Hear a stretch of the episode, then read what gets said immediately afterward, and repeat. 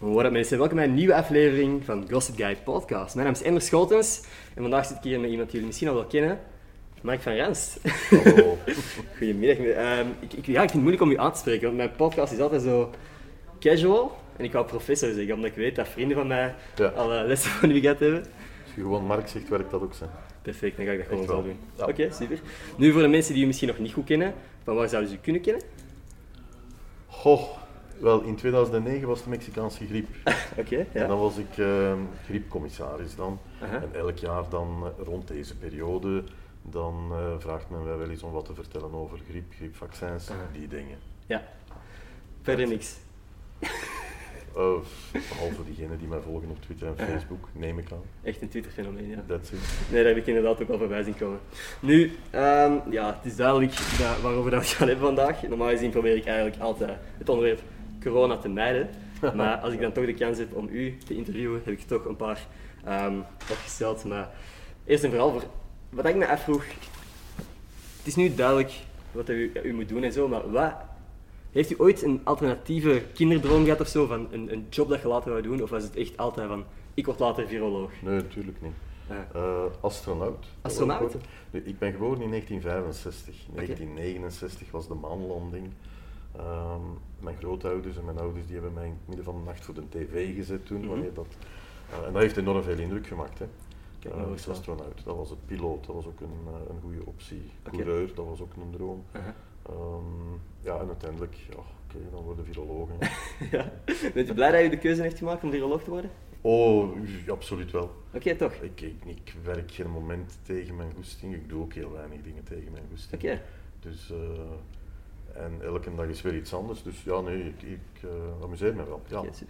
Als, stel nu dat corona niet zou bestaan en nooit bestaan had, wat zou u nu aan het doen zijn? Ehm, gewoon in een van de laboratoria aan, het, eh, Ja, aan het werken. Nu, ik denk dat veel mensen er niet bij stilstonden dat een viroloog, dat die een heel jaar door werk hebben. Het is gewoon nu dat we constant viroloog in, in, in Ja. het nieuws horen. Dit is echt een, een raar jaar. Ja, Je kunt je niet voorstellen hoe raar dat, dat is om nu al sinds februari hè, tot nu ehm, elke dag achtergronden op de nieuwssets te zien met viruspartikeltjes en zo. Ja. Dat is heel, heel bevreemdend. Dus we hebben nu eh, meer dan 11 miljoen virologen gekweekt. Ehm, sommige dingen die echt examenvragen waren, die kent iedereen nu. Iedereen kan erover meebabbelen. Ja. Eh, dus ik weet nu hoe een bondscoach zich voelt wanneer je 11 miljoen bondscoaches hebt wanneer de Rode Duivels spelen. Ja. Dat is net hetzelfde. Denk ik. En iedereen een mening heeft. Iedereen een mening en, eh, en iedereen weet het altijd veel beter als de, eh, als de coach. Hè. Tuurlijk. Ja. Tuurlijk. Ehm, ja, wat ik me dan afvroeg eigenlijk, want inderdaad, u zegt ik krijg veel, ik hoor iedereen's mening, en zeker op Twitter en zo, is dat nog extra versterkt. Ehm, in hoeverre ziet u daarvan af? Heeft u daar... Nee. Niet? Nee, anders moet je Nee. dat niet doen. Oké. Nee, Nee, is dat, eh, dat passeert allemaal. Zo. Want, natuurlijk, als, als viroloog moet u kijken naar, uh, allee, instaan voor de gezondheid, fysieke gezondheid van ons, maar er is de laatste tijd ook veel te doen in het nieuws over mentale gezondheid. En ik vroeg me af of u daar al iets van effect heeft van ge- gevoeld, het feit dat je minder mensen kunt zien. Maar je voelt dat overal. Hè. Eh, dus, dus, en, en je houdt er ook rekening mee. Mhm. Bijvoorbeeld tijdens de eerste lockdown, eh, andere landen, daar moesten de mensen echt binnen blijven. Ja. Gewoon in uw kot en je mocht niet buiten. Mhm. Niet, om, eh, niet om te sporten, dat mocht niet. Dat hebben we hier in België anders gedaan. We hebben van in het begin gezegd, aangeraden van, van ga buiten, Mhm. ga wandelen, ga fietsen. Er is nog nooit zoveel gewandeld en gefietst als toen. Ehm, wij werken ook heel goed met, eh, met de verschillende ehm, tv-zenders samen om wat verbindende boodschappen, programma's te brengen, zoals dat blijven in uw kop tv, ehm, zodanig dat de mensen wat eh, een alternatief hebben en, eh, en, en ook wat, wat vermaak daar hebben. Ehm, je probeert daar zoveel mogelijk rekening mee te houden dat, ehm, ja, dat sommige mensen echt wel eenzaam zijn. Mhm. Dus ja, dan zorg je dat die toch een, een knuffelbuddy kunnen hebben. Ja. En, eh, dus, dus je houdt er eigenlijk continu rekening mee, Ja. maar ook in je eigen omgeving zie Mhm. je dat, dat mensen daar wel van afzien. Hè. Ja, sowieso. Want wij vinden nu dingen raar Mhm. en, en niet goed, Ja. Terwijl we die vroeger gewoon heel tof en sympathiek vonden. hè. Klopt, klopt. Dus dat is een heel bijzondere, rare situatie. Een absolute uitzondering en een periode die we zo kort mogelijk moeten houden. Ja, exact. Ja. Want ja, eigenlijk ook, want ik zeg nu over mentale gezondheidscijfers. U, het is niet uw job natuurlijk, maar in hoeverre kijkt u bijvoorbeeld naar economie of zo, de impact van corona daarop? Of daar, u kijkt echt naar besmettingen? Nee, door- nee dat is, dat is ergens is een soort van misvatting dat een viroloog enkel naar het virus kijkt. Nee, dat was mijn Dat vraag. zou, Dat ja, dat zou geen... inderdaad dom zijn van dat te doen. Want deze crisis is niet enkel een gezondheidscrisis, dat is ook een economische crisis zoals er weinig geweest zijn. Dus daar moet je ook rekening mee, mee houden. En dus die literatuur die lees je ook allemaal. Mhm. In de groep waar wij in zitten, waar we advies geven, daar zitten ook economen bij die, eh, die daar inzichten over kunnen geven. Mhm. Wat we nu zien is dat wanneer je strenge maatregelen neemt, eh, eigenlijk lockdown-achtige maatregelen, dat dat veel beter is voor de economie, misschien niet de eerste weken, maar veel beter is voor de economie op middellange termijn dan wanneer je toestanden hebt zoals deze, Mhm. die blijven duren zonder perspectief. Dat, eh, dat is veel erger. Ja, want u zegt inderdaad op de, op de lange termijn, op de middellange termijn, maar bijvoorbeeld nu de horeca en zo die weer slaat, denk ik wel dat zij zullen het wel sterk voelen ook. Die gaan dat sterk voelen en Mhm. daarom is dat ook goed dat die sectoren dan compensaties daarvoor krijgen. Die hebben niks fout gedaan, Mhm. integendeel, die hebben enorm geïnvesteerd om zoveel mogelijk dingen eh, corona veilig te Mhm. maken. En in normale eh, omstandigheden dan, dan had dat ook perfect gegaan. Nu was de infectiedruk gewoon te hoog Mhm. geworden. Te veel mensen hebben corona en dan kan je dat niet meer veilig doen. Dat is niet dat die mensen iets, of die sector iets fout hebben gedaan, totaal Nee. niet. Maar we kunnen ons dan nu, dingen die heel normaal zijn in andere omstandigheden, kunnen we ons nu eh, niet permitteren om te, om te doen. En vandaar die maatregelen en dan ook de compensaties daarbij. Want, want dat is een vraag die ik mezelf ook stelde, want ik ben bijvoorbeeld laatst, allee, laatst toen het nog mocht, Ja. op een restaurant geweest waar letterlijk tussen elke tafel plexiglas stond. En eh, dan ging ik vandaag met de bus naar hier en zat ik bijna in een overvolle bus. Ja. Dus was, dat vind ik soms, ja, ik denk dat iedereen zich er vraag bij kan stellen. Hoe... Ja, wel, maar je kunt, je kunt niet maatregelen nemen die allemaal coherent zijn. Nee, tuurlijk. Want je kunt niet zeggen, we schaffen het openbaar vervoer af. Nee, ja, wel, heel veel mensen geraken dan niet op hun werk. Mhm. Of geraken niet thuis of gelijk wat. Dus dat kan je niet doen. Ja. Eh dan moet je er wel voor zorgen dat er minder volk op het openbaar vervoer zit. Daarom moet je zorgen dat je telewerk promoot. Mhm. Dat is niet omdat op het werk zo ongelooflijk gevaarlijk is, maar je houdt mensen uit het openbaar vervoer. Ja. Ja. Eh, je maakt de mogelijkheden eh, naar, naar, naar uitgaan, probeert je te vermijden of, of kleiner te maken. Mhm. Dat is ook weer minder mensen op dat, eh, datzelfde openbaar vervoer. Dus je probeert mensen te overtuigen, maar jongens, blijf thuis. Ja. Ehm, meer vragen we ook niet. En dan, dan is dat openbaar vervoer ook geen probleem meer. Tijdens de lockdown, ik heb geen auto, dus ik pak de trein Ja. en de bus, dan viel dat heel goed mee. Is de lockdown wel, inderdaad. Maar nu dat, ja. Wel. nu- het is- komt er een tweede lockdown? Komt er een nieuwe lockdown? Of, Eh, ja. Ja? Oké. Wel, dat gaat niet, dat gaat niet compleet hetzelfde zijn. Aha. Maar ehm, je gaat zien dat de politici zijn daar nu nog niet klaar voor. Oké, ja. Eh, en dat is in, ik weet dat goed, dat is in maart op dezelfde manier gebeurd. Dus politici nemen maatregelen en dan de bevolking vindt het niet genoeg. Mhm. De bevolking wil meer maatregelen. Dan neemt de regering terug meer maatregelen, de bevolking is teleurgesteld. Daar zitten we nu, ja, Ja. op dat punt. En dan uiteindelijk, dan moet er nog één ding gebeuren, en dat is een lockdown in het buitenland. Ja? Dus wanneer Nederland, Duitsland, Frankrijk, en het zou wel kunnen, dat een van die drie binnen een paar dagen zegt we gaan iets lockdown-achtig doen, Mhm. en dan volgt België. Oké. En Dus u denkt dat er eerst initiatief van iemand anders moet komen voordat België zegt van oké, Ja, België is een klein land en, eh, en ja, we zijn meer volgers dan leiders. oké, oké. Dat is een, eh, wanneer Frankrijk bijvoorbeeld iets doet, voor de politici in het Franstalig landsgedeelte, is dat dan compleet ehm, onweerstaanbaar om die maatregel ook niet te nemen. Oké. En de reden daarvoor is dat in Vlaanderen, ja, daar kijken wij niet echt naar de Nederlandse tv. Mhm. Vroeger, 30 jaar geleden, 40 jaar geleden wel. Mhm. Toen hadden die programma's die leuker waren dan, dan die van ons. Ja, vanaf dat VTM bestaat, dan is dat niet meer zo. Maar in het Franstalig landsgedeelte, daar beginnen die naar het nieuws te kijken op RTBF, of Mhm. RTL. En dan in het midden schakelen die naar TF1 Ja. in Frankrijk. En, Ja. en die, eh, die, eh, die bekijken eigenlijk de twee, Mhm. ehm, de twee ehm, kanalen. En ehm, die halen dus een deel van hun nieuws uit, eh, uit Frankrijk. Oké, daar was ik zelf niet ongelooflijk bewust van, omdat ik... En dat heeft dus een enorme impact op de Oké. Waalse politici. Dus Oké. wanneer Frankrijk iets doet, dan, dan vinden ze dat ze dan moeten uitleggen waarom dat België dat ook niet zou doen. Oké, ja. Wow, dat is het meest politieke dat ik ooit op deze podcast heb gezegd. Ongelooflijk, denk ik. hè. Man, blijven lasteren, hè, mannen. Ja, net is eh, ik, ik was zelf ook zo'n doubt, ik heb niks gehoord wat hij zei. Nee, dat is niet waar. maar het is, eh, ja, dus ik denk dat hier sowieso, want u zegt van u krijgt reacties op sociale media. Ik ga dat ook krijgen sowieso voor deze podcast. Nee, dat is normaal gezien neem ik heel, eh, ja, Wel, gedeelde smart is halve smart. ook dat nog. Als ik, als ik een haatbericht stuur, eh, krijg, stuur ik een door naar u en zeg ik van, Ja, want die, ja, die mis ik echt. Ja. Ja? Is, is het zo? Ik heb hier eh, voor het eerst in mijn podcastcarrière vragen opgeschreven. Jongen, en eh, ja. ja. het is ongelooflijk. Dus eh, de voorbereiding die ik heb gedaan. Ehm, nu, wat ik me afvroeg, want u, ik, ik- de mensen waar ik contact mee heb zijn allemaal jongeren. Zijn studenten, zijn mensen, middelbare scholieren soms ook nog. En er wordt heel vaak met de vinger gewezen van, ah, jullie zijn degene die het allemaal aan het verspreiden zijn. Eh, hoewel ik weet dat er ook heel veel van mijn vrienden echt gewoon niet buiten komen uit Absoluut, schrik. Ehm, Natuurlijk zijn er andere, je moet niet beginnen vechten op de oude markt, dat vind ik sowieso dom, of het corona is of niet. Maar wat ik me afvroeg, u, mocht u nu een student geweest zijn, mocht u een middelbare scholier geweest zijn, hoe denkt u dat u gereageerd zou hebben op de maatregelen die nu in werking zijn? Ja, wel een moeilijke vraag. Ja. Ehm, ik, ik denk hetzelfde zoals de meerderheid van, eh, van de jongeren nu. Mhm. eh, geïnteresseerd. Want gelijk hoe het uit of keert, je maakt een stukje geschiedenis mee. Ja?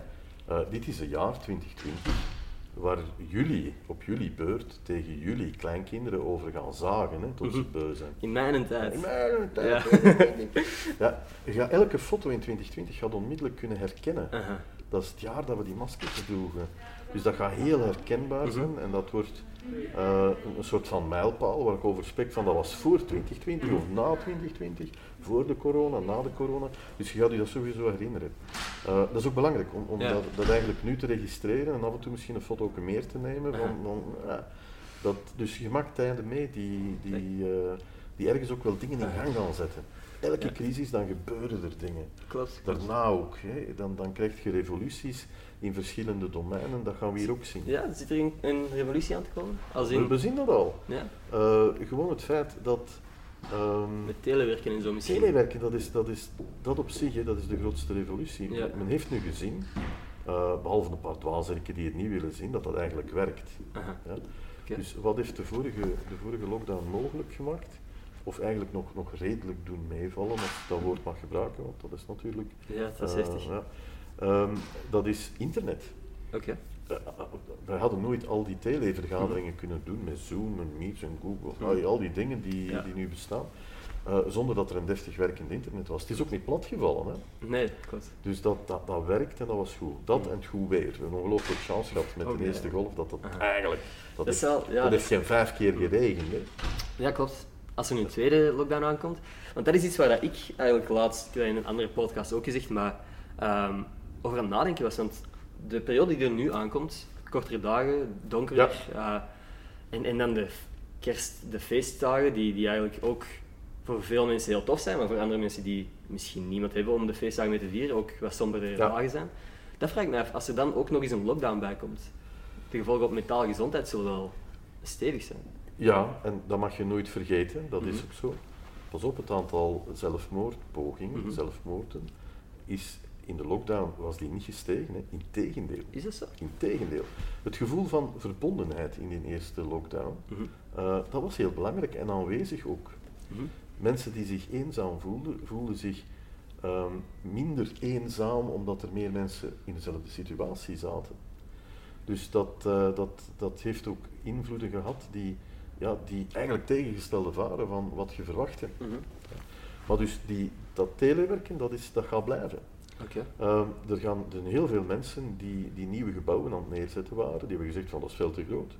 Ik Ja. ga nooit meer al mijn personeel op één moment in dat gebouw hebben. Mhm. Vroeger was dat zo'n lange gang en iedereen heeft zijn eigen kotteke. Mhm. Ehm, maar dat, daar, daar gaan we van afstappen. Ja. Eh, we gaan meer, dus onze architectuur van onze huizen gaat veranderen, zodanig dat iedereen en waarschijnlijk iedereen apart daar zijn een eigen cubicle heeft, soundproof, Ja. met een deftige achtergrond, waar je niet mee in affronten valt.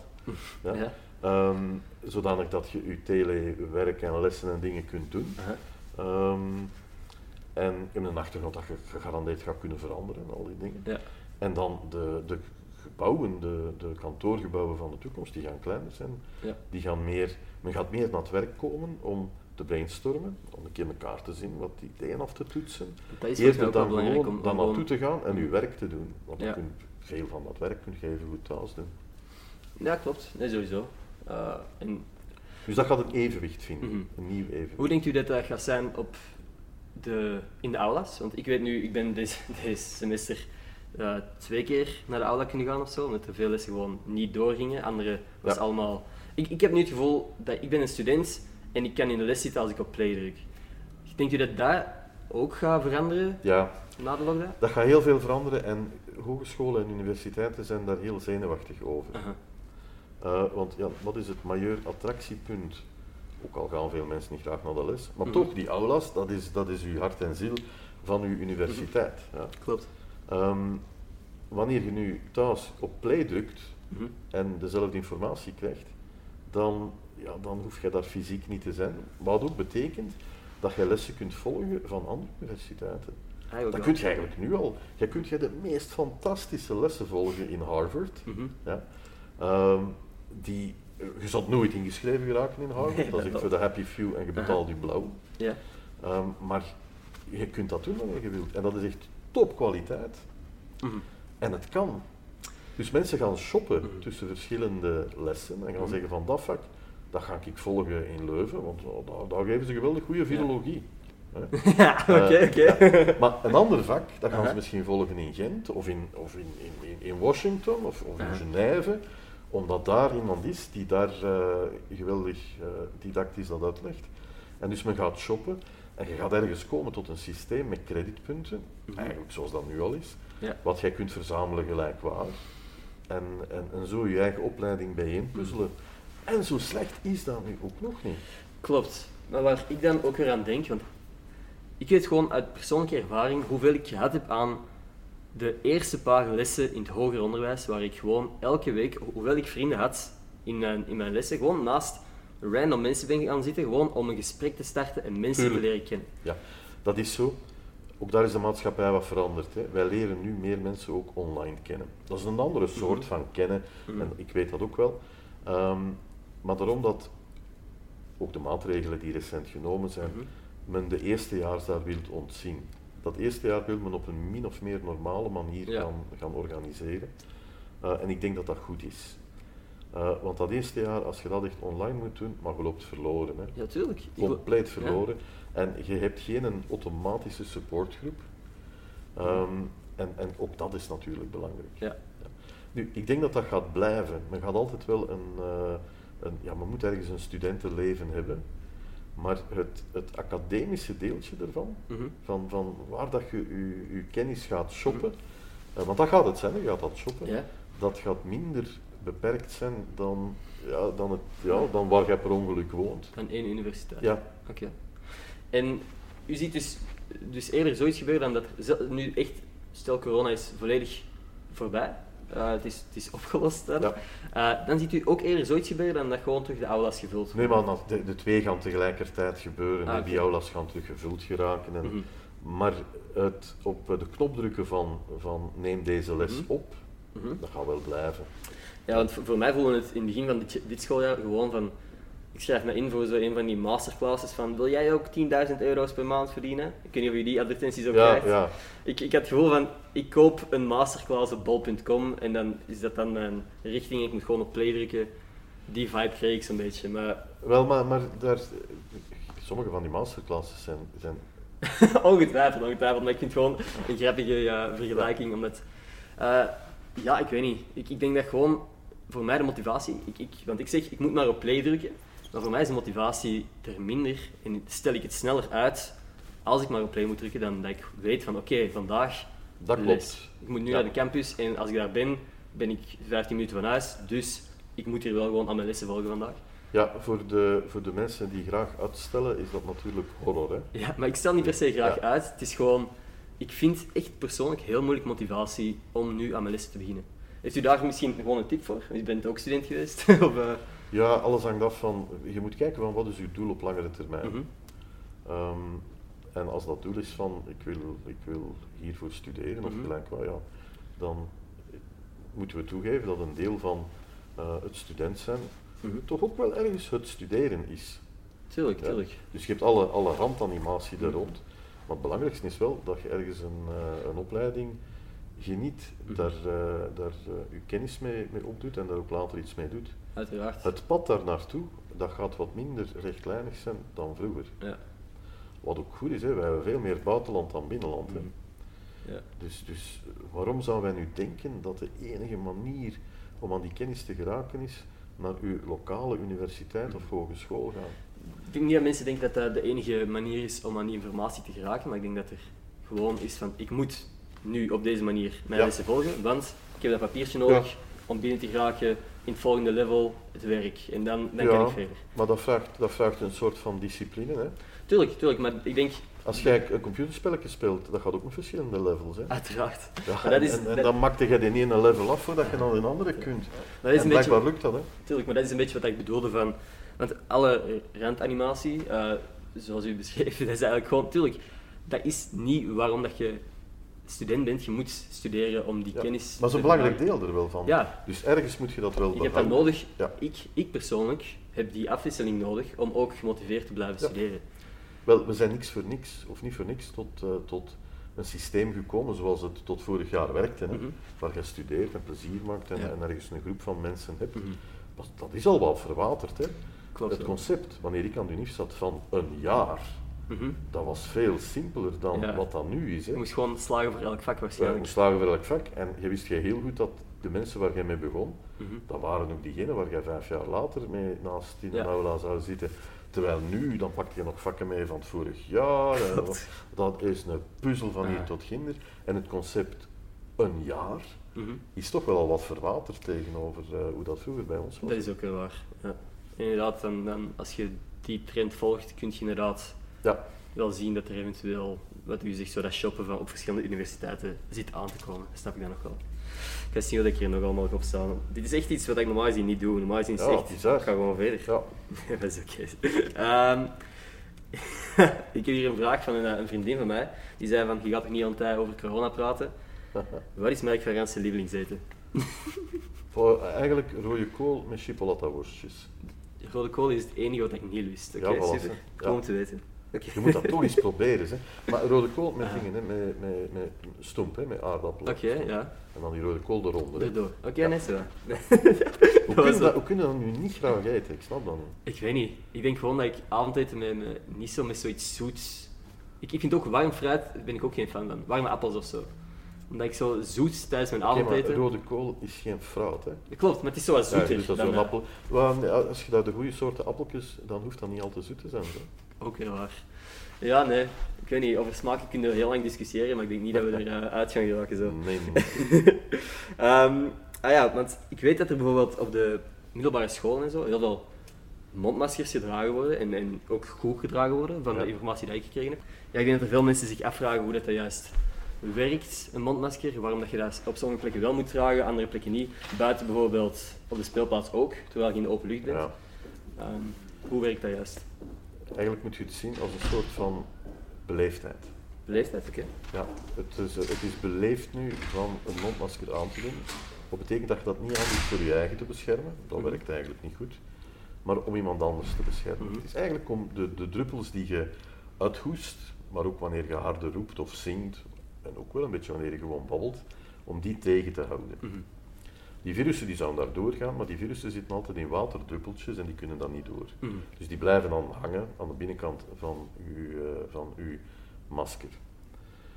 Dat zorgt ervoor dat wanneer je binnen zit, dat je daar geen opbouw in, die, in dat lokaal gaat krijgen van viruspartikeltjes. Mhm. Dat noemen we een bio-aerosol. Mhm. Dus dat zijn hele kleine druppeltjes met in het midden een virus daarin. Ehm, wanneer je allemaal maskers draagt, dan blijven die druppeltjes vooral bij u. Wanneer je dan nog een keer een deftige ventilatie hebt, ofwel centraal gestuurd door het gebouwbeheersysteem, ofwel door gewoon old-fashioned de deuren en ramen open te zetten, dan verdwijnen die partikeltjes ook en dan is dat geen probleem. Dus een mondmasker binnen in een ruimte dragen, zoals wij hier doen, dat is nuttig en dat is beleefd. Jij beschermt mij, ik bescherm u. Mhm.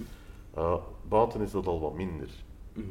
Behalve natuurlijk wanneer je continu op en, uh, en, en op elkaar gaat springen, uh, elkaar continu gaat omhelzen, ja oké, okay, dan, dan, dan, dan, dan, is dat wel nuttig en beleefd. Klopt. Maar wanneer je een beetje afstand zou houden op een speelplaats, dan heeft dat niet heel veel zin.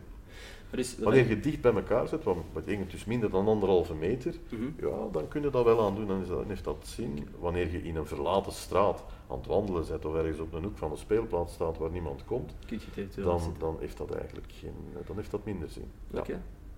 Want wat dat, de, de verhaal dat je soms hoort, ja, natuurlijk fake news en zo, moet er sowieso voor oppassen, maar soms op een bepaald punt hoorde ik iemand zeggen van viruspartikeltjes zijn kleiner dan de gaatjes in je mondmasker. U zegt, het virus zit in waterdruppeltjes die Ja. wel groter zijn dan de gaatjes. die zijn groter dan die gaatjes en dan wordt dat tegengehouden. Ik denk dat dat voor veel mensen wel een vraag was. Voor mij was het zelfs Ja. een vraag. Want dat is... Wel, waarom zouden we dat anders opzetten? Mhm. Niemand vindt dat plezant. Hè? Nee, klopt. Als je plezant vindt van de mondmasker aan te doen, dan, dan, dan moet je laten nakijken. Hè? Nee, maar het is Dus- gewoon... Er zijn heel snel heel veel complottheorieën naar buiten gekomen. Ja. En, en het is soms, voor veel mensen, voor mij ook, soms moeilijk te filteren van wat is er echt, wat zijn echt... Want je kunt heel makkelijk in een artikel zeggen, wetenschappers beweren dat, of wetenschappers zijn erachter gekomen dat, Ja. en mensen gaan dat geloven. Ehm, dus ik Dat klopt, maar dat zo... zijn allemaal wetenschappers die jij niet kent. Klopt, Ja. klopt, maar... Als, als de wetenschappers die, die in uw regio of in uw land eh, het komen uitleggen, wel, een van de dingen die belangrijk is, is ja, daar een beetje geloof en vertrouwen in hebben ook. Mhm. En dat is, een, dat is wel weg, omdat iedereen, eh, het respect voor kennis opgedaan door studie, Aha. dat is veel minder dan vroeger. Omdat iedereen nu op Google kan gaan, ja, en, en op vijf minuten kunnen denken iets gevonden te hebben, en dan snapt je niet waarom dat anderen daar vijf jaar voor moeten studeren. Klopt. En iedereen Ja. is ineens expert. Iedereen is expert. Aha. Ja? En dat is een wezenlijk probleem, Mhm. want dat is niet waar. Nee, klopt. Ehm, maar ik denk dat als je zelf kritisch genoeg kunt opzoeken en zo, dat je wel de juiste informatie kunt, allee, kunt vinden Ja. uiteindelijk. Want dat is iets, dat is dan weer niet corona eh, gerelateerd, maar iets wat ik laatst over aan het nadenken ben, eh, nadenken was, eh, beter. Ehm, in hoeverre denkt u dat het, het opdoen van kennis, zoals wij in de universiteit leren en dingen uit boeken leren en zo, nog belangrijk gaat zijn naar een wereld die steeds meer AI gestuurd is en zo, en waar dat meer en meer computers gewoon dingen weten en dat wij letterlijk kunnen opzoeken van wat is allee, het jaartal waar de gulden sporenslag Oh, was dat is, dat is, eh, alles wat je kunt opzoeken is eigenlijk geen nuttige kennis meer. Nee, dus... Vroeger dan moest jij, van, wanneer je geneeskunde deed, dan moest je van buiten kennen Mhm. hoeveel milligram van dat antibioticum er moest gegeven worden bij wat. Oh. Ja. Ik heb liever dat een dokter dat nog even opzoekt. Hè. Ja, dat bedoel ik. Want Ja. mensen kunnen dan heel makkelijk fouten maken. Dus. Oftewel, Ja, kent je van, ah ja, 200 milligram. Of je zoekt op en denkt van, ah oei, 220 milligram. ja, exact. En, Dus dat is, dat, is, dat is inderdaad belangrijk. Dus iedereen heeft nu op zijn bureau een computer staan. mhm. Meer nog, we, we, we hebben continu schermen die we bijhouden. Ja, een mini-computer in Die- uw ja, zak. voilà, dat, dat kan, dat doet ongeveer alles behalve een afwas. Exact. Ja, maar dat is ongelooflijk wat dat kan. Aha. Dus dat, dat moeten we toch voor ogen houden dat dat, eh, dat, dat belangrijk is. Ehm, dat je je kennis kunt opdoen op heel veel manieren nu. Dus je hoeft dat niet allemaal in je kop te steken. Want wat dat ik denk dan, is de enige, het enige, de enige advantage, advantage dat wij hebben Ja. tegenover een computer, is dat wij outside of the box kunnen denken. Dus wij kunnen creatief en kritisch denken. Dat En klopt. in hoeverre denkt u dan dat over, over 50 jaar van nu, hoe belangrijk is een dip- diploma? Even belangrijk als nu? Dat blijft even belangrijk. Ja? Daar ben ik heel zeker van. Oké. Je wil ergens, ehm, je hebt een manier nodig, zodanig dat iemand die u aan een project wil laten werken, Mhm. op een heel eenvoudige manier eh, kan zien van, ja, heeft hij daar de kwalificaties voor om dat te doen? Wordt wat minder belangrijk dan vroeger, omdat de skills die je hebt, eh, die je op vele manieren hebt kunnen opdoen, dat die belangrijker zijn dan het fotje wat je op het einde van je opleiding krijgt. Klopt. Ja?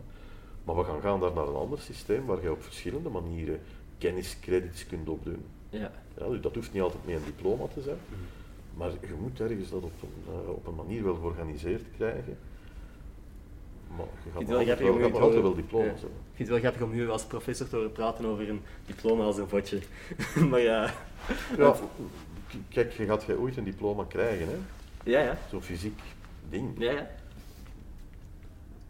Je doet daar niks mee, hè? Ja, totdat je, je moet een job hebben en dan is het, hangt dat waarschijnlijk ergens in het toilet of zo, denk ik dan. Ja, dan zul je daar een kopieke van moeten binnenbrengen, Ah. zeker. Dat is het enige moment dat je dat gaat Ja, vastnemen. exact. Ja. Dus het is wel nodig, maar oké. Eh, maar ik denk ook, dat wil ik niet zeggen, want ik denk ook dat bepaalde studies dat je sowieso een diploma moet hebben. Je gaat niet advocaat spelen door dingen dat je geleerd hebt op Google. Of je gaat niet Nee. hersenchirurg worden. Ik wil niet een hersenchirurg die geen diploma heeft. Nee. Maar ik denk dat als je een creatieve job of zo doet, als je bijvoorbeeld, eh, weet ik veel, een, natuurlijk. ja, achter de camera staat of zo, dan denk ik van, heb je dan dat media diploma nodig? Of nee, ga je... maar dan heb je je portfolio, hè, wat belangrijk Ja, moet zijn. dan, dus dan laat je best zien wat dat je al gedaan hebt en zo. Ah, ja, dat is veel, veel belangrijker. Ja. Maar je hebt gelijk, hersenchirurg, hmm, Ja. piloot. Ah, ik heb toch liever dat dat iemand is dan Ja. dat van Google Dat geleerd je weet heeft. dat je... Ja. Dat is, ja. Ik weet niet, dat is, dat is voor mij persoonlijk de reden geweest dat ik niks met media ben beginnen studeren. Omdat ik dacht van, ik ga het zelf proberen. En dan als mensen geïnteresseerd zijn in wat ik doe en, en, en het oké vinden wat ik te presenteren heb, Ja, dan heb ik daar misschien eventueel nog kansen. ja, dat En, vinden ze wel. Hè. Ja. Ja, dat dacht ik dan. Maar dat is weer helemaal niks corona gerelateerd en ik wou eigenlijk nog een paar dingen da- daarover vragen. Ehm, want ja, ik heb vragen gesteld aan mijn volgers ook. En mensen die op middelbaar zitten vragen zich bijvoorbeeld af, waarom is er een langere herfstvakantie nu? Waarom, waarom is die beslissing gemaakt? Dat was eigenlijk puur voor de studenten een plezier te doen. Serieus? Nee. nee.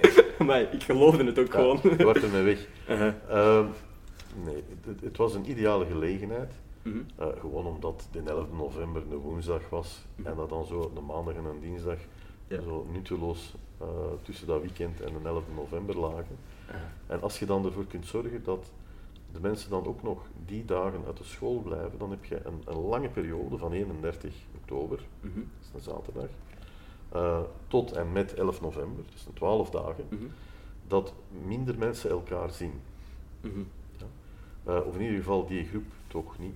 En dan hoopte stiekem dat in die periode, waar er toch voor de rest weinig te doen is, ja, dat de mensen wat meer gaan binnenblijven op hun eigen. Ja, dat gaat nooit volledig lukken, dat weet ik Ja. natuurlijk ook. En er gaan er ook zijn die compleet hun voeten eraan vegen en gelijk wat, dat weet ik ook wel. Maar het geeft de gelegenheid om, wat toch een langere periode is, dat is twee keer de gemiddelde incubatieduur van dit virus. Incubatieduur wil zeggen vanaf het moment dat je geïnfecteerd bent tot je de symptomen krijgt, dat is ongeveer een vijf dagen. Mhm. Met 12 dagen zit je aan meer dan twee keer de gemiddelde incubatie. En dat eh, is een traditionele truc om ziekte tijdens een epidemie naar beneden te krijgen. Mhm. Dat is gewoon een soort van semi-quarantaine gedurende twee weken. Mhm. En dan, eh, en dan werkt dat. En dus dit is een beetje de gelegenheid om dat hier ook te doen. En dat kost, kost maar twee lesdagen. Ja, Dus dat is wel, eh, dat is wel op te vangen. oké. Het is gewoon een manier om, om eigenlijk inderdaad een soort mini-quarantaine eh, Ja. te proberen ont... Ja. Oké. En dan hoop je dat, dat de meesten die boodschap dan, dan ergens wel begrepen hebben. Dus we hoeven nu, om, om tegen corona te vechten, Ja. moeten wij de loopgraven in. Dat is niet nodig. Het enige wat van ons gevraagd wordt, is dat we op onze zetel zitten en Netflixen. Oké. Dat is het. Klopt. Ik denk gewoon dat mensen dat ondertussen kotsbeu zijn. Ik denk dat veel... Allee, ik, weet, ik weet gewoon dat er veel mensen in mijn omgeving ook zeggen van... Ik weet niet... Ja, natuurlijk de hele vraag van op Twitter... hey, welke serie is nog leuk? Maar mensen zijn dat gewoon beu ook. Ik denk Ja. dat die... Ik, ik, ik weet niet, want dat is, het klinkt heel simpel. In theorie is het super simpel. Ja. Ehm, maar ik denk dat mensen gewoon iets nodig hebben om naar uit te kijken momenteel. En wat is, als u bijvoorbeeld die studenten, de middelbare scholieren, want ik denk dat, dat, dat zij er ook nog misschien wel het hardst vanaf zien, zij en studenten. Ehm, Maar in a way. Je kunt niet zeggen, die, die zit er meer vanaf, dat besef ik. Maar Ja. wat, is, wat is de motivatie voor middelbare scholieren om toch nog even binnen te blijven? Voor u? Dat is een moeilijke vraag, ik weet het. Om, om vlugger gewoon van deze ellende af te zijn. ja. Dus hoe, langer, hoe, sneller, dat- hoe langer dat je binnen blijft, hoe sneller dat we hier Hoe sneller dat we er gewoon vanaf zijn, als wij willen nog enigszins een beetje een normale Mhm. kerst, want helemaal normaal lukt dat niet meer, maar een normale grote vakantie volgend jaar hebben, Mhm. dan moeten we nu niet gaan onnozel doen. Nee. Het is niet omdat wij het virus beu zijn, dat dat virus ons beu is. Nee. Dat werkt zo niet. Dat is nog altijd even geïnteresseerd in ons. Mhm. Dus dan, dan, ja, dan moet je daar ergens je bijdrage bij leveren. En dat is natuurlijk niet gemakkelijk. Hè. Want uiteindelijk is dit iets wat al een heel tijdje aan het duren is. Mhm. En voor mij is een jaar in mijn leven minder dan 2%. Ja. Voor mensen die 20 jaar zijn, is een jaar wel 5% van hun leven. Hè? Op die moment. Klopt, klopt. Ja. Dus dat, dat, is een, dat is een groter deel en een belangrijk deel en gelijk wat. Dus, dus iedereen begrijpt dat dat, dat, dat vervelend is. Ehm, maar bon, bedoel, het is wat het is. Hè. Ja, tuurlijk. Ja, nee. dit, dit virus is, hebben we niet uitgevonden om, om ergens Nee. eh, dat zijn ook, te- dat zijn ook samenzweringstheorieën. Ja. Ja, ja dat, is, dat is helemaal een potgoed. Ja. Nu, ehm, ik heb helemaal in het begin van deze, van toen corona net uitbrak en ook in België mensen begonnen eh, te besmetten, toen heb ik met vrienden weddenschap gedaan van hoe lang gaat dit duren. Heeft u ooit zo'n weddenschap gedaan? Mijn, mijn gok was, toen het echt lockdown was, ik dacht vijf maanden. En ik was de langste van al mijn vrienden en toch ben ik verloren, want we zitten ondertussen al verder dan dat. ja, mijn gok was na de paasvakantie moeten we ongeveer weg zijn. Serieus? Wat ongeveer klopte, want we waren heel laag Aha. toen geraakt. Ehm, en dan hebben we de versoepeling te veel gekend. Mhm. En daardoor hebben we geen normale zomer gehad. Aha. Hadden wij dat kunnen terugbrengen tot ergens een 50 gevallen per dag, Ja. een land zoals het onze, en een deftige contacttracing gehad, dat konden we lang volhouden. Mhm. Dat had nul effect op de gezondheidszorg. Uh, en dan, dan, dan kunnen wij veel dingen doen. Ja. En, maar dan heeft men gezegd van, oké, ja, uh, beschaf die bubbel van 5 of zo, wat was toen af? En we beginnen met de bubbel van 15. Elk van ons, 15. Mhm. Uh, dat is samen met een horeca die open was en het Ja. toeristisch seizoen dat eraan kwam.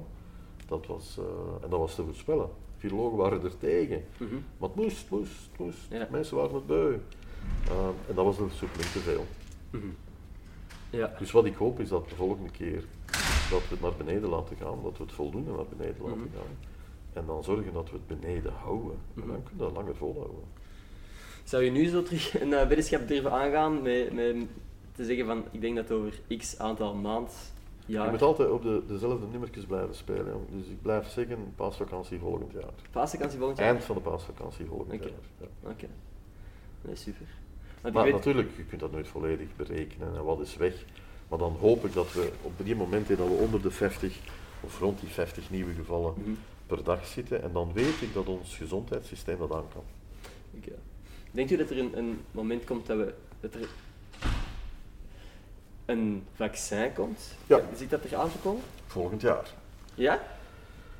Volgend jaar, dat gaat ook niet zonder slag of stoot gaan. Hè. Je gaat nu, we gaan nu bedolven worden onder goed nieuws van vaccins de volgende maand. Nee, nee. Gegarandeerd. Oké, super. Uh, het is ook niet zo hondsmoeilijk om een vaccin te maken uh, en dat in 100.000 dosissen te produceren. Mhm. Dat kun je doen. Kost, uh, natuurlijk kost dat moeite, tijd, gelijk qua geld.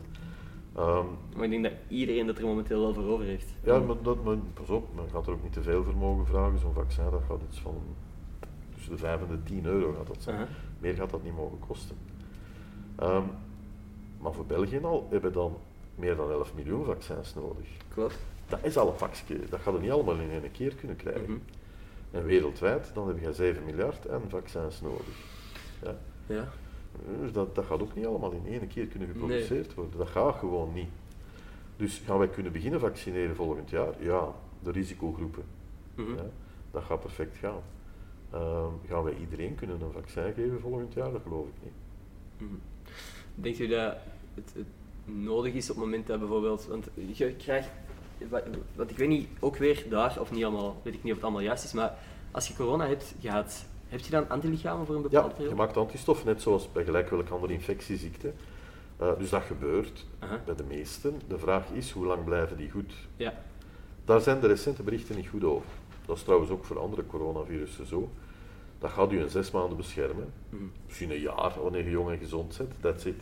Ja, oké. Dus, dus op die strategie gaan werken om een soort van bevolkingsimmuniteit te gaan Mhm. krijgen, of groepsimmuniteit. Ja, dat was mijn vraag. Dat, eh, dat, nee, dat, Nee. eh, Ja. dat gaat niet gaan. Nee, De, de, de duur van de bescherming is daar te kort voor. oké. En de ziekte te hevig om zomaar aan iedereen te zeggen van jongens, word ziek, geneest en het is in orde. Eh, daarvoor is het wat, eh, wat eh, vervelend. Er zijn heel veel mensen, veel meer dan dat je denkt, die dat vrij mild hebben doorgemaakt. Nu echt ziek, Mhm. maar nu nog altijd maanden daarna, vijf, zes maanden daarna, nu nog altijd geen, geen geur en smaak hebben. Mhm. Je kunt denken van, oh, geen geur en smaak, allemaal niks, dat is een heel Mhm. klein probleem. Dat is wel zo. Dat bepaalt een deel van je plezier. Eh, Eten, dat smaakt een pak meer wanneer je ook kunt ruiken. Ah. Wanneer smaak en reuk zijn aangetast voor een langere periode, dat is geen lichte handicap. Mhm. Dat is een lichtere handicap dan, dan veel, veel andere dingen. Mhm. Maar aangenaam is dat niet. Dat verlaagt je levenskwaliteit. Om dan te zeggen van, joh, we gaan dat allemaal maar hebben, eh, laat het maar rondgaan, dat is een te hoge prijs. En al zeker wanneer je weet dat de bescherming niet levenslang gaat zijn. Verre van. Oké. Ja, ja, nee, inderdaad. Ja, het is gewoon heel makkelijk om te zeggen als, als jonge gast die waarschijnlijk inderdaad niet echt iets zal afzien of zo van, eh, van het virus. Ook Jawel. gewoon, ja, Niet afzien. Op intensieve zorgen liggen mensen van uw leeftijd. Hè. toch? Oké.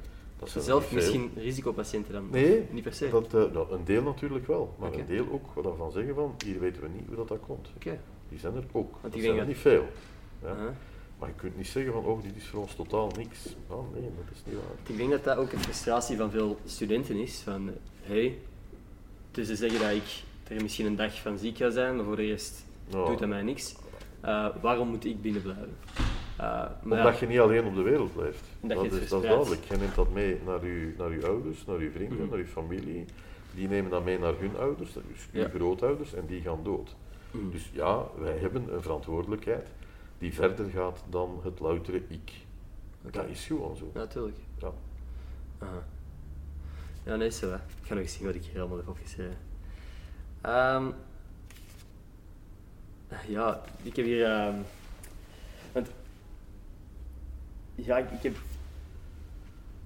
Allee, ze. Nee, het is, het is een vraag nog steeds over die mentale gezondheid. Als in, want ik weet dat vrienden van mij, eh, ja, ook, ook echt, want je hoort altijd zo die, die verhalen over, ah, vroeger was het heel snel van, ah, ik ben depressief of zo, maar ik heb echt mensen nu in mijn omgeving die echt slecht zijn door het feit dat die gewoon, en ik zeg niet, ik kan niet zeggen dat ik depressief ben of zo, want ik mag eh, echt niet klagen, maar ik ehm, voel zelf dat ik ook een, dat ik niet volledig mezelf ben nu dat ik mijn vrienden niet kan zien. Ehm, en wat is voor u de beste manier om toch dat contact te behouden? Want ik denk dat mensen Zoom-calls verschrikkelijk beu zijn. Is er, een, is er een alternatief? Is er een manier om op een gezonde manier contact te blijven houden met... Je kunt geen contact hebben.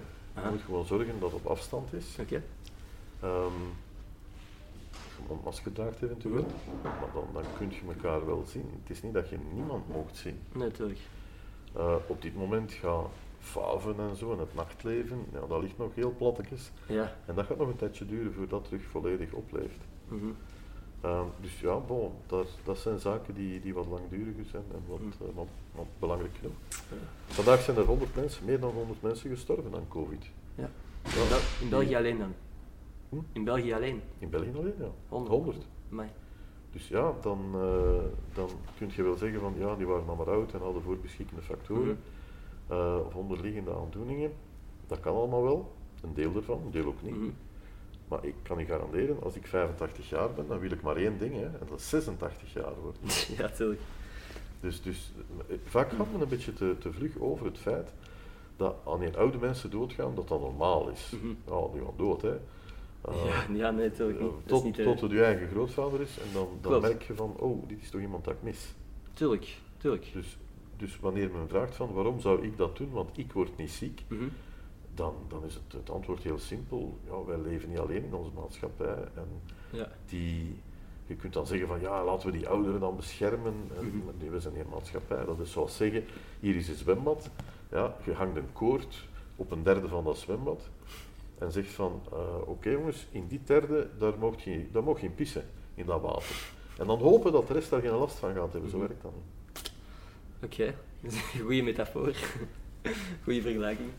Eh, ja, nee, ik, ben ook, de vraag die ik stel is ook zo puur omdat ik weet dat veel mensen zich dat afvragen. Dat is niet per se omdat ik zo de onwetende, allee, de, de ignorante Ah, ja. student ben die, eh, ik probeer zo advocaat van de duivel te spelen. Maar ook, want ik besef wel dat, dat allemaal nodig is. Het is gewoon ongelooflijk kut. Nou, zonder meer uit. ja. En dat vindt werkelijk iedereen. Hè? Aha. Dat uh, geloof Ja, me, iedereen is dat zo beu, maar zo beu als iets. Hè. Dit is Ja. Wat, Verloren is- wat is het eerste dat u gaat doen als corona voorbij is? Als we een vaccin hebben, ja, Het is land uit, het is de wereld uit. Wat ga je doen? wel eigenlijk met de. eh, We hebben al afgesproken, hè? Oké, Van- dus dat aan plannen. Ja, met Erika, met Steven, met Geert, met Pierre. Dan gaan we gewoon naar de meest ongezonde jazzclub ergens in een kelder, ja, waar dat de meest slechte lucht hangt. Ja, en dan, dan gaan we daar gewoon niet buiten komen voordat we allemaal... Oké, gewoon een vies eh, Ja, clubje. Absoluut, en, eh, en daar een keer, een, een, het een keer goed van pakken. Alright, super. En Is dat- is dat veel te veel drinken, ja. Ongelooflijk veel te veel drinken. Ja. Is dat ook eh, uw muziekstijl, zo jazzy? Of? Ik heb geen muziek. Nee. Dat, Dat is is, een- dat is, ik kan van veel dingen genieten. Ehm, maar ik- Nee. Maar dat is ook zo'n moeilijke vraag van, hé, naar welke muziek luister je graag? nee, dat is alles. Van alles. Ik Ja. hoor ik Rachmaninoff graag. Ehm Wie, wie juist? Rachmaninoff, Is dat een klassieke echt? dat is een klassieke Oké. eh, pianomuziek eigenlijk. Ja, dat is mooi, dat is rustgevend. Je kunt deze lockdown ook gebruiken om een keer wat andere dingen te ontdekken ook. Hè. Ja, tuurlijk, tuurlijk. Ik Ah, het film... is ook niet, wanneer je zegt van, van op welke andere manieren kun je contact houden. Ja, wel. Eh, we zijn een aantal dingen vergeten van vroeger. Mhm. Ja. Eh, een brief, iets speciaals nu. Hè. Klopt, klopt. Vroeger was dat iets, iets- nu we, we, we kunnen het amper ons eigen geschrift oplezen. Eh, maar er zijn trage dingen die bijzonder oncool lijken. Mhm. Ehm, maar die toch, waar je toch plezier in kunt vinden. Een boek lezen. Ja, daar, daar, daar, daar, Nee, dat gebeurt zijn ongelooflijk veel avonturen dat je kunt beleven zonder dat je er in de problemen mee geraakt. Ehm, Ik zeg, gebeurt niet vaak, ik lees niet genoeg eh, boeken eigenlijk. ja, maar, maar veel, van, veel, van, veel mensen doen dat niet. Mhm. Terwijl, oké, steun je lokale boekhandel, Oké. eh, want anders dan blijven die niet bestaan. Ik verzamel postzegels, dat is, dat is, Aha. Dat is een mannetjes hobby. hè. Hoe Ja. begint zo, hoe, dat vraag ik me altijd af, hoe begint zo een verzameling? Is dat dan... Dat begint altijd met een andere verzameling. Oké, wat was de vorige verzameling misschien? Wel, de verzameling van de mens dat dat heeft bijgehouden weer. Oké, Ah, oké. Verzamelaars geven dat door aan verzamelaars. Op die manier. Ah, dus Ja. van wie heeft u misschien iets doorgekregen? Wel, ik heb nu een verzameling gekregen van een, een, een fysicus die ongeveer ja, bijna 90 jaar is. Die ziet niet meer goed. Mhm. Eh, die zijn kinderen hebben geen interesse. Ja, die had gehoord dat ik postzegels verzamel. En die zegt van ja, kom ze, kom ze maar halen. Ik geef het door aan u. Oké. Ehm, want ah, er zijn postzegels bij van 1850 en zo. Ehm, die zijn al door een aantal handen gegaan. Ja, hè. 1850. Dus, dus en wanneer je die, die verzameling hebt, dan zet je ook maar ja, de bewaarder van die verzameling Mhm. voor een paar jaar en dan gaat dat weer naar de volgende. Dus dat, eh, ja. Heeft u wel iemand die gedacht aan wie u uw verzameling zult eh, doorgeven? Je hoopt altijd dat u, u- ik heb een zoon, ja, dat die zich er ook voor zou interesseren, maar dat is heel niet zeker. Nee? Maar je vindt altijd wel iemand. Dat, eh, dat, is, dat is heel zeker. En zo gaat dat van hand tot hand. Heeft uw zoon al iets van interesse getoond in de verzameling of nog niet? Geen, geen lap. Balen. Ja, die doet voor mij plezier doen. Dan zegt hij van, ah ja, papa, het zijn gewoon postzegels. Ah. En dan zie je hem al denken van, papa, Ah, dit is zo oncool. Ja. Ja. Ja. Oké, nice. ja. In ieder geval, ehm, ik denk dat we de audio, eh, het videodeel gaan afsluiten van de podcast en dan gewoon nog 10, 20 minuutjes enkel op audioplatformen. Dus als, als je luistert of kijkt hier, check gewoon vanaf minuut 48 ongeveer op Spotify of zo en dan is er nog extra bonusmateriaal. Maar voordat we dit afsluiten, is er nog iets wat u graag wilt delen? Nu dat er toch wat mensen kijken. Een, eh, een levensles moet niet eens corona gerelateerd zijn. Ehm, De levensles van, van mensen van uw leeftijd, zorg dat je nooit eh, gaat voor je plan B. nooit voor je plan B gaan. Nee, jullie zijn veel te jong voor plan B. Oké. Dus plan A, en daar blijf je dan maar even bij. Mhm. Wanneer je ouder wordt, dan kun je beginnen compromissen te maken. Maar Mhm. op uw leeftijd, no way. Oké. Plan A, en daar gaat het als een laserstraaltje gaat het daarvoor. En je zorgt er ook voor dat je je dan niet laat tegenhouden door ah, triviale dingen zoals waar je per ongeluk woont. Mhm. Nee. Ga, gewoon, ga gewoon de wereld zien, ja. Maar absoluut ga nooit voor plan B. Oké. Wanneer plan A ook maar enigszins nog een kans heeft. Oké, super. Dat vind ik een mooie levensles. En iets, eh, ja, iets, iets, van, iets waar je nog over gepiekerd heeft misschien recent. Moet ook weer niet corona gerelateerd zijn. Nee, eigenlijk, dat heb ik al gezegd. Het, één, je moet er rotsvast vertrouwen hebben dat dit goed komt. Dit is niet de normale situatie. Dat gaat het ook nooit worden. Mhm. Ja, ik, ik haat het woordje het nieuwe normaal. Ja. Daar zit niks normaal aan. Nee. Ja, dus, dus dit komt weer goed. Dus Mhm. wij gaan weer volle stadions hebben. Wij gaan terug Werchter hebben en Tomorrowland. Mhm. Heel die dingen. Dat komt allemaal terug. Dus dat rotsvast vertrouwen moeten hebben. Ehm, en dan onthoud toch wat van dit jaar ook. Want het gaat in uw leven een, een, een, een, raar jaar zijn, sowieso. Het gaat volgens u dan echt een, eh, een periode pre- en post-corona ook worden? Ja, je- zoals dat bij andere majeure rampen ook Ja. zoals dit is. Je, je, je- je voelt zo dat dit majeur is. Meestal hè, iets, wat, ehm, iets wat gebeurt, dat komt zo een keer in het nieuws. Mhm. ja, en een dag daarna is al op pagina 2. Als iets echt heel belangrijk is, echt groot, hè, dan komt dat 14 dagen op pagina 1, Mhm. maar langer nooit. Nee. Terwijl hier zijn we al meer dan zes maanden, acht Mhm. maanden bezig met elke dag hoofdpunten in het nieuws. Ja. En buiten een paar uitzonderingen, Mhm. Is dat altijd op nummer 1 in het nieuws Ja. en op de voorpagina van de gazet. Dus dit is, dit is iets wat, wat groot is in de zin van, eh, ja, ja, hier gaan, Nog lang over gepraat worden. hier gaan nog lang over gepraat worden. Oké. Nee, dat denk ik ook wel. Daar twijfel ik zelfs niet aan.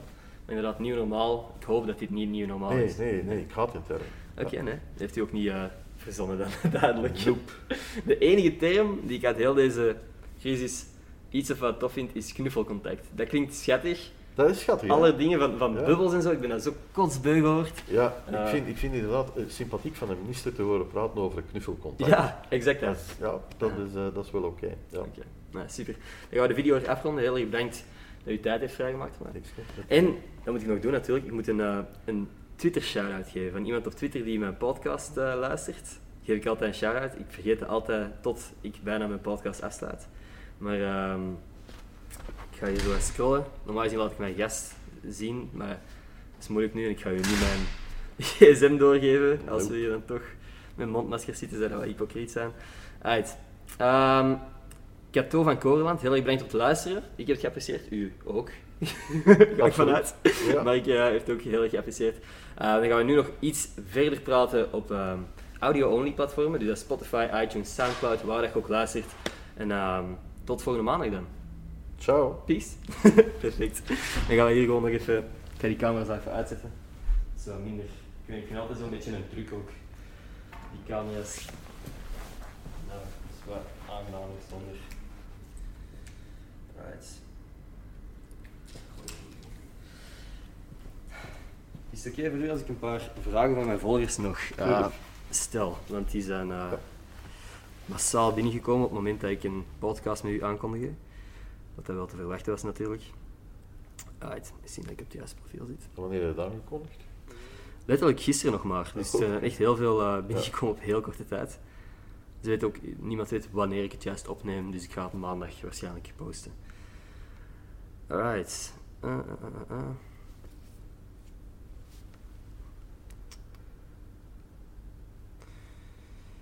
Hier zijn ze. Oké. Er zijn veel mensen, ja, veel economiestudenten die mij ook eh, volgen, dus over de economie hebben we ook even gehad natuurlijk al. Ehm, Ah ja, dus dit zijn wel luchtigere vragen. Ja. Iemand die vraagt, heeft u hobby's? Want we hebben het nu gehad over postzegel verzamelen. Zijn er nog dingen die u buiten, ja, die u nu misschien zou doen, mocht er geen crisis aan de hand zijn? Eh, wel, ik heb nog geen dag. Nee, dat is niet waar. Ik heb twee dagen verlof gehad dit jaar, maar dat was het. Hè. Een keer naar het Bokkerink en een keer naar de Efteling. Ehm, dus ik heb nog heel veel, veel verlof over. Dus ik kijk er naar uit om terug te gaan uh, diepzeeduiken. Diepzeeduiken? Dat, eh, Oké. Ja, dat is super. Als je dat nog nooit gedaan hebt, absoluut doen. Aha. Dat is een van de dingen waarbij ik... Soms doet je zaken en of dat je die nu doet of niet, dat maakt niet veel uit. Maar diepzeeduiken is een van de dingen waar ik heel veel spijt zou van hebben als ik het nooit zou gedaan hebben. Oké. Ja. Kijk niet. Dus Ja. met flessen duiken. Hè. Ja, ja, ik snap het. Ja. Want voor mij is het ook... Dat is een van de weinige angsten die ik heb, is... ehm, die, de, gewoon het feit dat je niet ziet wat dat er onder u is. En wetende dat er ongelooflijk veel onder u is. Echt een leegte, een diepe leegte in de zee. Eh, want soms zie je van die foto's van een duiker die over een of andere...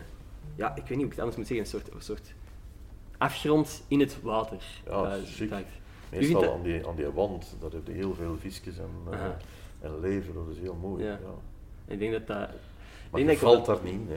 Nee, nee, dat besef ik, dat besef ik. Maar ik denk gewoon dat ik te veel video's heb gezien van beesten die ineens heel snel bewegen in het water en dat jij dan machteloos bent tegenover zoiets. tuurlijk, nee, dat is geen enkel probleem.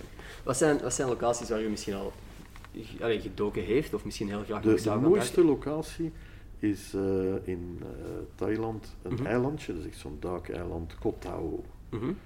En eh, nu, ik ben daar een paar keren geweest. De eerste keer dan was dat nog bijna zonder toeristen. Nu is dat enorm toeristisch geworden. Maar toch, dat is Aha. mooi. Zanzibar, Zanzibar. dat is ook mooi. Vooral het noorden van, eh, van Zanzibar. Daar, eh, daar is ook heel mooi te duiken. Dus warm water, dus gewoon visjes. Ja. Ja, helder water, dat, eh, dat is heel plezant. Ja. En dat zijn plekken waar u al geweest bent. ja, Oké, en is er een, een droomlocatie, iets waar u echt heel graag nog naartoe zou gaan?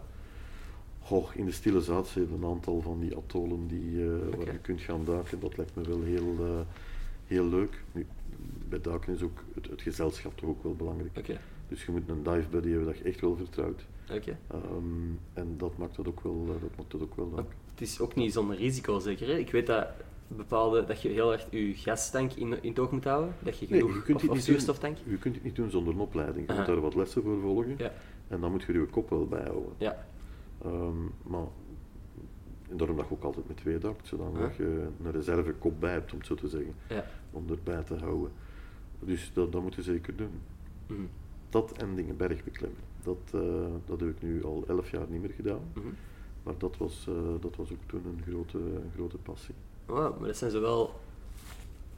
Bergbeklimmen is ook wel een stevige adrenaline kick dat je op, allee, zult Ja. hebben. Want op een, eh, als, als, ik weet van mezelf dat hoogtes niet mijn sterke kant zijn. Eh, en dat je er wel gewoon adrenaline boost van krijgt.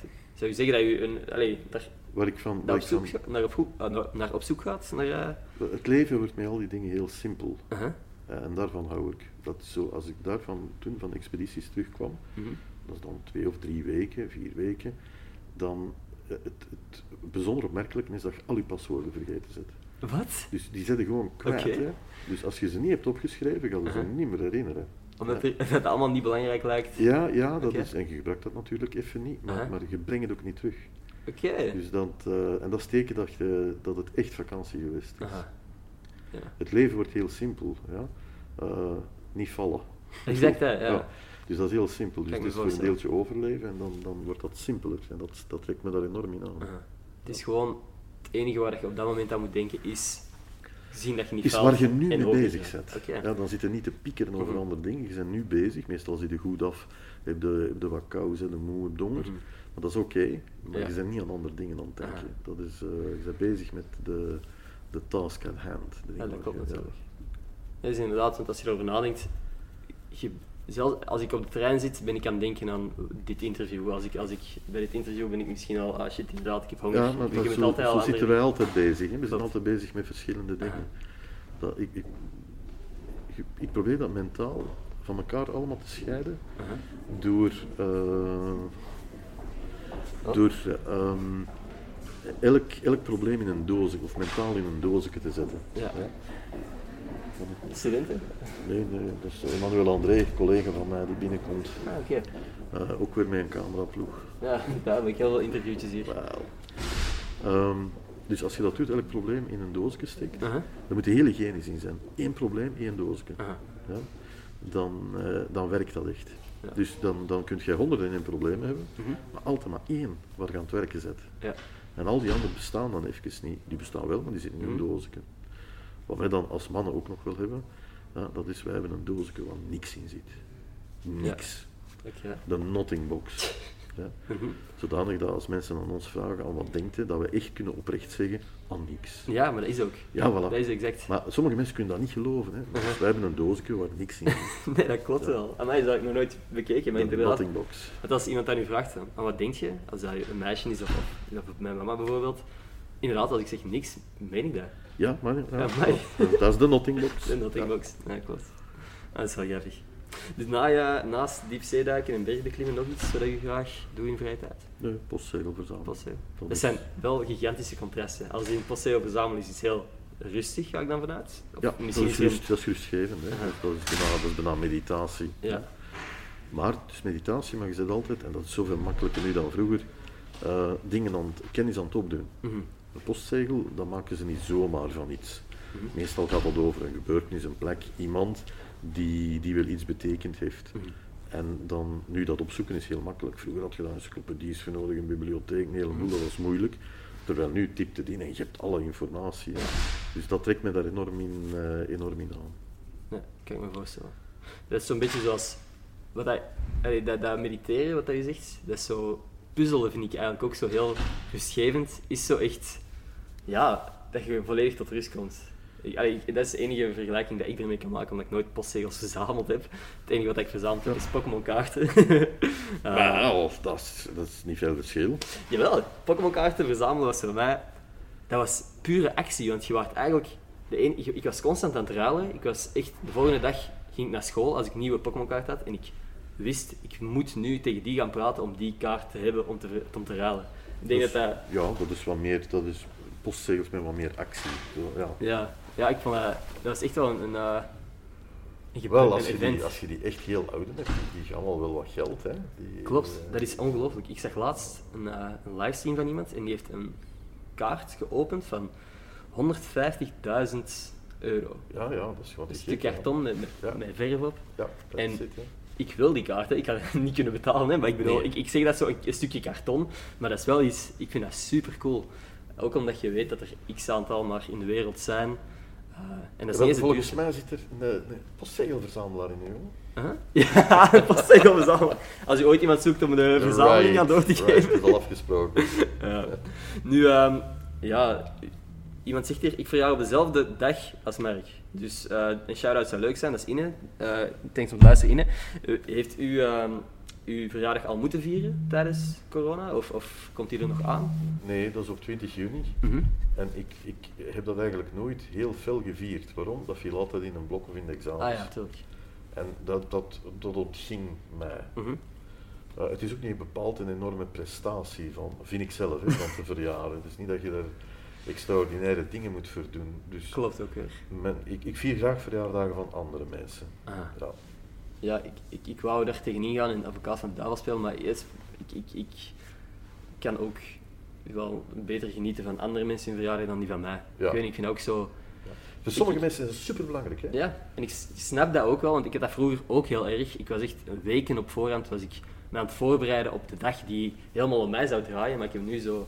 Ik weet niet, inderdaad. Ik heb, Ik ik heb heb- liever niet. Ja, ik, ik vind het ook niet erg om dat gewoon zo met een paar Ja. echte vrienden zo eens eh, samen te zitten en, en iets te drinken of zo. En dan mijn verjaardag te vieren eh, op 12 uur. En dan gewoon terug met andere dingen bezig te zijn.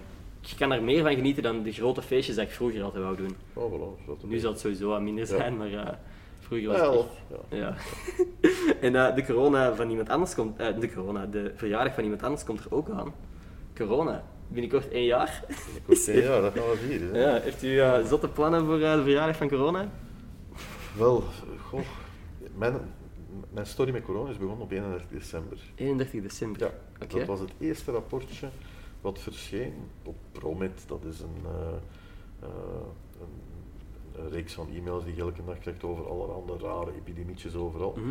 En daar werd dat voor het eerst in vernoemd. En dacht ik van, hmm, raar. Mhm. En dan de volgende dagen dan bleef dat verder duren en dan ging er meer en meer aandacht naartoe. Ja. Tot men een dikke week later wist dat een coronavirus was. Ja. En dan begonnen de poppetjes aan het dansen. Wat is, wat- wat- weet u nog de datum waarop u besefte, of ja, het moment waarop u besefte van wow, dit is ernstig, dit is het wel een... Dat is in, in schuifjes gegaan. Ehm, in het begin dan hadden wij gedacht van dit gaat iets zijn zoals SARS-CoV-1 in Mhm. 2003. We hebben dat toen met Labo heel intens meegemaakt. 7000 mensen besmet, 700 dood. Dat is met de vlieger wel naar een paar andere landen getransporteerd, daar onder controle gebracht. En op een zes maanden was dat weg. Oké. Ja. Dus dat was het meest waarschijnlijke scenario dat er ook ging gebeuren. Op dat moment dan zaten we hier nog in ons griepepidemie. Ja, dan moesten we eigenlijk meer schrik hebben van griep dan van, van SARS-CoV-2. Dat, Mhm. dat zat nog enkel in China. Ehm, maar dan, wanneer je zag hoe vlot zich dat verspreidde in China, terwijl alle dagen er nog vliegtuigen vanuit China naar hier, naar België ook kwamen, Mhm. dan wist je van, oh, dit wordt moeilijk om, eh, om tegen te houden. Ja. En dat is dan ook, eh, dat is dan ook gebleken. ja. ja, duidelijk. Oké. Mensen, misschien nog eens een vraag die eh, niet over corona gaat, want dat gaat er heel snel aan. iemand die vraagt, waar koopt u uw truien? Dat is heel simpel. Uh-huh. Ehm, ik heb heel veel dezelfde truien. Oké. Dus ik, ik- mij interesseert kledij maar bijzonder matig. Hè? Aha. Niet eigenlijk, Nee. om het zo te zeggen. Dus als ik in een winkel kom, en dan mag gelijk welke winkel zijn, ik ken die merken ook niet. Nee. En, eh, en ik heb daar een trui wat ik graag zie. En die eh, met die een keer oppervlakkig te passen, dan past die.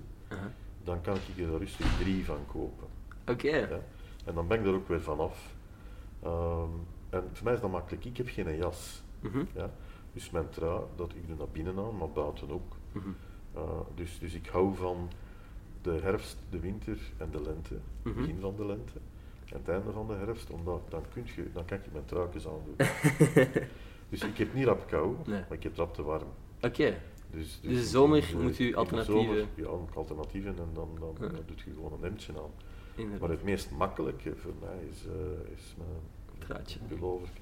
Dus het is eigenlijk meer zo, gewoon dat dat efficiënt is. Even, als je een leuke trui ziet, x aantal van meenemen, drie van meenemen, zodat je niet meer En moet dan ik daar vanaf moet ik weer een hele tijd niet, eh, Niet meer shoppen. Ja. En dan krijg ik wel een commentaar van, eh, van ja nee, je kunt beter die blauw Mhm. aandoen, dat staat beter met blauw. Who cares? Ja. Nu, u zult ook wel eh, al wat korte nachtjes hebben gehad, afgelopen maanden. Is er, eh, eh, hoeveel uur slaapt u gemiddeld per nacht? Dat hangt ervan af. Ik, ik, ik heb altijd het idee van rond 12 uur van ik moet in mijn bed. Ja, Maar dat lukt nooit. nee. Maar echt waar, en dat is elke dag hè, dat ik tegen mijn eigen zeg van oh ja, ik zou moeten... En, en dat lukt dat gewoon niet. Elke dag dat je denkt van ik zou om 12 uur in mijn bed moeten zijn om iets van Ja. slaap in te halen. Right. En dan, dan lukt dat niet, want er is zoveel interessant te doen. Mhm. Eh, er is zoveel dat je nog moet voorbereiden. Ehm, ik ben ook een nieuwsjunkie. Ja. Dus goh, elke nieuwssite en ik ben verkocht. Oké. Eh, je zoekt dingen op. En voordat je het weet is het weer drie uur. Mhm. En ja, dan moeten we daar om zeven uur weer uit. En dan is die nacht gewoon te kort. Hè. Ja, nee, klopt. Dat is inderdaad. Dus je zit minder op sociale media, maar op nieuwssites. Want ik weet dat veel van mijn leeftijdsgenoten gewoon, en ik ook, nog heel lang op eh, sociale media checken. Ja, nee, voor mij is dat eigenlijk vooral twee keer op een dag. S'morgens vroeg als ik Mhm. een trein pak.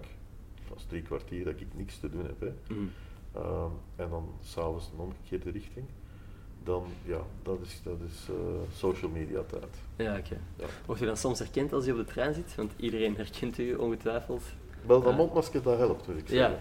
ja. Dus dat helpt wel wat. Maar toch, dat helpt niet volledig. Mhm. Maar eigenlijk valt dat wel geweldig mee. Dat is geen, het, is, het is nooit storend of een probleem. Nee, oké, nee. Nee. Des te beter.